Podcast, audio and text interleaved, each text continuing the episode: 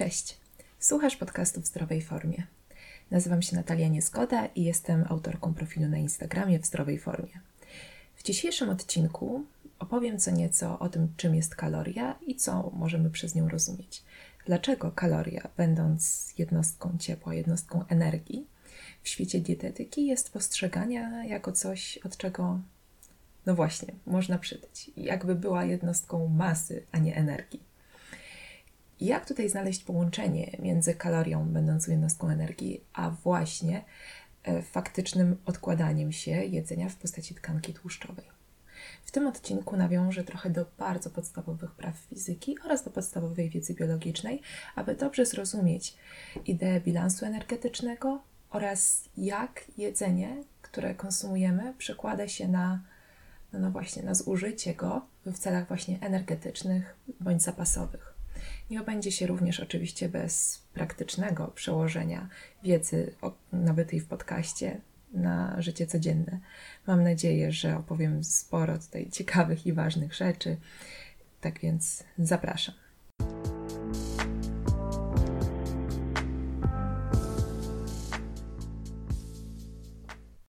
Podstawową jednostką energii w układzie SI jest joule. Z kolei kaloria jest jednostką ciepła oraz jest uznawana jako pozaukładowa jednostka energii. Jedna kaloria to około 4,18 joula, z kolei kilokaloria, czyli jednostka, którą znajdziemy z tyłu opakowań różnych produktów y, żywieniowych. Jedna kilokaloria to jest 1000 kalorii. To tak gwoli ścisłości czuję się jakby zobowiązana do powiedzenia takich szczegółów i definicji. Więc żeby przejść do budowania mostu pomiędzy kalorią, energią a jakąś tam masą ciała, to myślę, że najprościej będzie, jeśli użyjemy przykładu. Wyobraźmy sobie, że mamy drożdżówkę z jagodami, jagodziankę. Przypuśćmy, że waży ona 100 gram, żeby było równo i ma, nie wiem, ile może taka mieć. Przypuśćmy, że 300 kalorii. Nie, nie wiem, to są jakieś w ogóle cyfry mm, z mojej głowy. Jakby nie skupiajmy się na tym, ale przypuśćmy, jagodzianka 100 gram, która ma 300 kilokalorii energii. No więc zjadamy taką jagodziankę i co się z nią dzieje? No ona wiadomo przechodzi przez nasz układ mm, pokarmowy, ale najpierw, no kiedy już jakby włożymy całą tą jagodziankę do ust, no to stajemy się, jakby nie było, ciężsi o te 100 gram. Ta masa jakby nigdzie się nie ulotniła, nigdzie nie uciekła. I to stoi w zgodzie z prawem zachowania masy, jednym z chyba z bardziej znanych takich podstawowych praw fizyki, które w bardzo taki życiowy sposób można zobrazować powiedzeniem w przyrodzie nic nie ginie. Czyli po prostu jeśli mamy jakąś masę, to po prostu bierzemy poniekąd odpowiedzialność za nią, bo nic się z nią nie da zrobić innego. Ona nie może od, sobie od tak zniknąć. Po prostu jeśli masa jakaś jest, to ona już zawsze będzie, ale może mm, zamienić się na, może później występować pod inną postacią, tak jak na przykład będzie E, na przykładzie tej naszej drożdżówki z jagodami, ponieważ prowadziliśmy do naszego przewodu pokarmowego 100 gram jagodzianki, ale oczywiście ostatecznie z nas nie wyjdzie taka piękna jagodzianeczka, którą, którą kupiliśmy w piekarni, tylko będzie ona w innej postaci. A w jakiej? Do tego sobie dojdziemy, ale myślę, że już się na pewno domyślacie. Jak wiemy, tutaj w żołądku tak na dobre zaczyna się trawienie, później jelito cienkie i część z tej jagodzianki przejdzie sobie y, do jelita grubego i zostanie wydalona w postaci niestrawionych resztek pokarmu. I tutaj przypuśćmy, to nie jest żadna, żadna prawdziwa cyfra, przypuśćmy, że 10 gram z tej jagodzianki zostanie y, wydalone w postaci kału. Super. A co z resztą? Co z tymi 90 gramami, które enzymy trawienne bardzo szczegółowo rozłożyły tam na różne y, makroskładniki i jeszcze, i jeszcze drobniej, no to one sobie trafią do krwiobiegu. I tutaj naliczyłam się, mogą być trzy, y, trzy opcje, co się dalej stanie z tą y, jagodzianką. W jednym z pierwszych odcinków na pewno już tłumaczyłam, co się dzieje z jedzeniem, które zjadamy, więc zachęcam do y, zerknięcia na pierwsze odcinki mojego podcastu. Jedzenie, które zjadamy w krwiobiegu, tutaj mówię bardzo uproszczając, bardzo kolokwialnie, jeśli słuchają mnie jacyś e, specjaliści, to pewnie się krzywią. Jedzenie, które jemy w krwiobiegu ma postać bardzo, bardzo drobnych cząsteczek, czyli węglowodany oczywiście tam są rozkładane, jeszcze drobniej, białka również, tłuszcze też. I co się może stać? W zależności od tego, w jakim stopniu na, występuje zapotrzebowanie naszego organizmu na energię, w takim stopniu ta energia będzie wykorzystywana. Oczywiście nie postrzegamy każdego posiłku osobno, ale w perspektywie dłuższej dnia, tygodnia, miesiąca, jeśli mówimy o bilansie energetycznym, ale część z tej jagodzianki zostanie zużyta na bieżące potrzeby energetyczne. Ponieważ, jak wiemy, 1 gram węglowodanów ma 4 kilokalorie. 4 kilokalorie energii. 1 gram białek również ma 4 kilokalorie, 1 gram tłuszczu 9 kilokalorii. No i co to oznacza? No to oznacza, że wyobraźmy sobie taką cząsteczkę węglowodanów, która sobie, po prostu sobie wyobraźmy, płynie tam w, krwi, w krwiobiegu i ma taką nalepkę 4 kilokalorie. No to jeśli ona jest potrzebna do procesów energetycznych, no to ona zostanie zużyta w takim stopniu, w jakim jest potrzebna. I tyle, tyle tych kilokalorii zostanie zużytych na bieżące potrzeby, ile aktualnie organizm wymaga. Reszta tych cząsteczek zostanie zmagazynowana jako materiał zapasowy. Na przykładzie węglowodanów, no to to będzie glikogen, który ma swój zapas w mięśniach oraz w wątrobie, a jeśli dostarczymy dużo więcej kilokalorii niż potrzebujemy na jakiejś tam przestrzeni czasu, na dłuższej przestrzeni czasu, no to ta nadmiarowa energia odłoży się w postaci tkanki tłuszczowej. Tylko ja właśnie tutaj się posługuję taką nomenklaturą niezrozumiałą jak, e, jak większość. No bo jak energia, która no, nic nam nie mówi o jakiejkolwiek masie, może się odłożyć jako coś takiego namacalnego. A no tak, że tak jak mówiłam, każdy gram, każdy mili, mikrogram jakiejś tam substancji, jakiegoś związku chemicznego, yy, jakiegoś makroskładnika ma przypisaną sobie energię i w zależności od potrzeb organizmu, to organizm sobie dobiera, ile tej energii potrzebuje. Jak na przykład mówi stop, i ten stop już występuje przez długi czas, a my dalej mu dajemy tą energię pod postacią właśnie masy tych cząsteczek, pod postacią jedzenia, no to po jakimś czasie te cząsteczki, które mają energię, one odłożą się nam na zapas pod postacią tkanki tłuszczowej. Czyli mamy te 90 gram drożdżówki, które dotarło nam już do krwiobiegu i część z nich zostanie zużyta na bieżące potrzeby organizmu, część zostanie odłożona jako materiał zapasowy, na przykład w postaci, w postaci glikogenu, w wątrobie, w mięśniach. Oczywiście część również zostanie wykorzystana jako materiał budulcowy. Tutaj przede wszystkim znana jest rola białek, a część być może, ale nie jest to konieczne, ale załóżmy hipotetycznie, że jeśli dostarczamy nie tylko z tej drożdżówki, nie tylko z tej drożdżówki, ale ogólnie przez długi czas za dużo energii, no to wtedy zostanie odłożona w postaci tkanki tłuszczowej. No i jak wiemy, nie tyjemy od objętości, nie tyjemy od masy, e, tylko właśnie tyjemy od właśnie tych kilokalorii, które wprowadzamy. A jest tak dlatego, że tak jak jeszcze raz przypomnę, po rozkładzie tych cząstek za pomocą enzymów, każda z nich ma przypisaną sobie energię i organizm decyduje, ile energii potrzebuje. I nadmiar energii zostanie odrzucony, a oczywiście pod tą energią kryje się cząsteczka, więc ona również zostanie przeniesiona w odpowiednie dla siebie miejsce. I jakie to znajduje przełożenie na takie podejście praktyczne? Ano takie, że e, Patrząc z perspektywy takiego bilansu energetycznego i potrzeb energetycznych organizmu, kiedy już przed wejściem do różnych szlaków energetycznych stoją gotowe, e, gotowe substancje, na przykład gotowa glukoza, i ona staje taka gotowa przed heksokinazą, takim enzymem, e, który jakby jest pierwszym enzymem, który musi się zmierzyć w szlaku e, glikolizy, żeby później tam w efekcie różnych innych przemian powstała energia, no to jakby ta heksokinaza nie pyta się, ej, sorry, ty jesteś z owsianki glukozą, czy ty jesteś glukozą z drożdżówki, no bo wiesz, jak jesteś z owsianki, no to, no to cię tutaj przyjmiemy i rozłożymy i spalimy i wykorzystamy z energii, ale jeśli jesteś z drożdżówki albo nie daj Boże z ciastka, no to wypadł tam do tkanki tłuszczowej, my się tu nie chcemy, no nie, tak nie jest, jakby na poziomie energetycznym, tuż przed procesem, jak mamy już takie bardzo drobne cząstki tego, tego jedzenia, które zjedliśmy, ponieważ zostało tak bardzo mocno rozłożone, no to jakby organizm nie pyta skąd ta energia pochodzi, tylko ją wykorzystuje.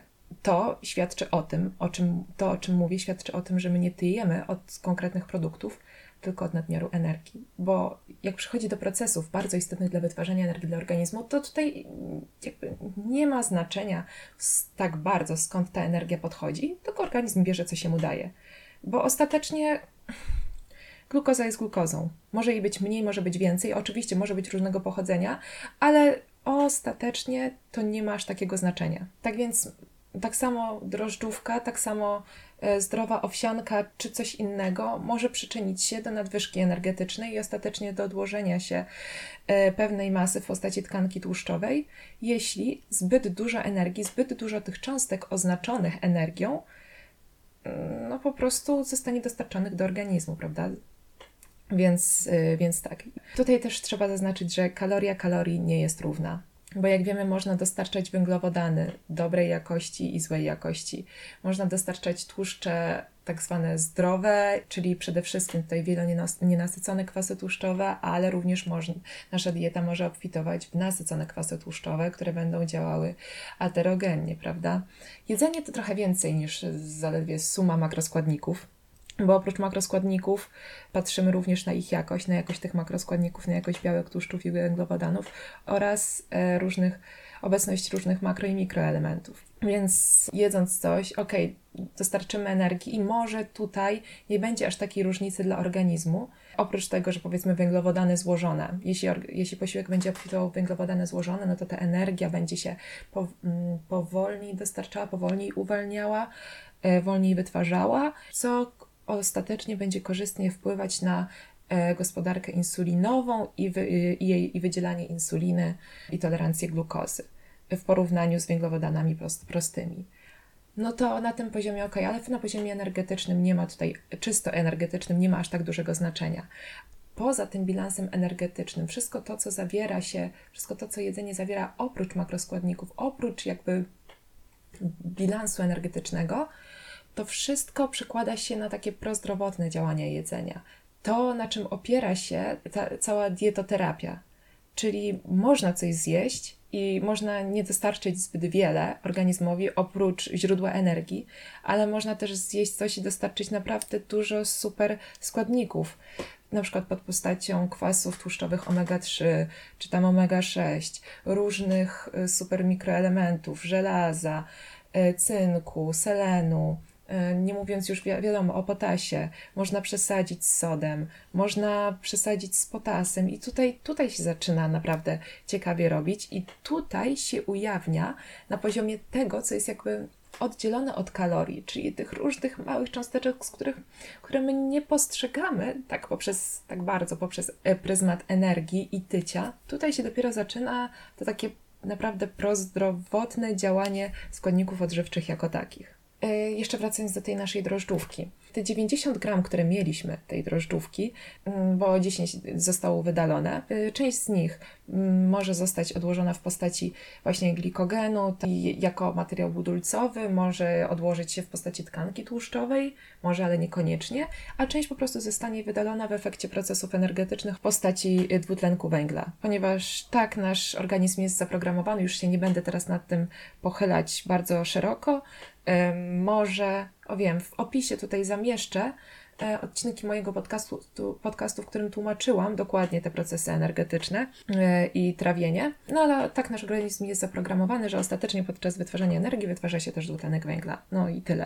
Jednak patrząc czysto energetycznie na jedzenie, to z jakich źródeł pochodzi ta energia, jak przychodzi co do czego ostatecznie do tych przemian biochemicznych, to nie ma aż tak dużego znaczenia. Jednakże dla prozdrowotnego działania jedzenia, czy dla uczucia głodu, sytości, dla oczywiście tam, gospodarki węglowodanowej i dla całego zdrowia to ma olbrzymie znaczenie, ale to jest jakby już kwestia oddzielona nieco od bilansu energetycznego. I jak to przełożyć na takie praktyczne podejście do żywienia? E, wiele osób twierdzi, że nie powinniśmy jeść słodyczy podczas diety, dlatego że od ciastek się tyje. No, Patrząc na, na to tak z perspektywy biologicznej, to nie. I mam nadzieję, że ja dosyć dobrze to tutaj wytłumaczyłam, że wcale tak nie jest. Owszem, ciastko będące mm, posiłkiem niezbilansowanym, będące, które spowoduje nagły wyrzut insuliny i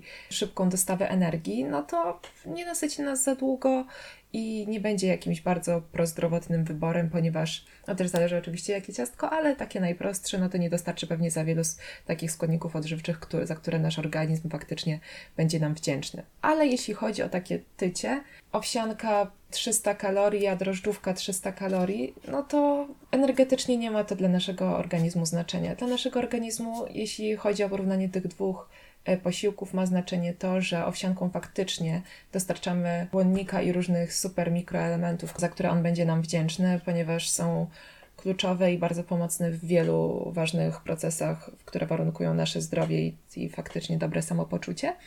Ale chodzi o bilans energetyczny, to mm -mm.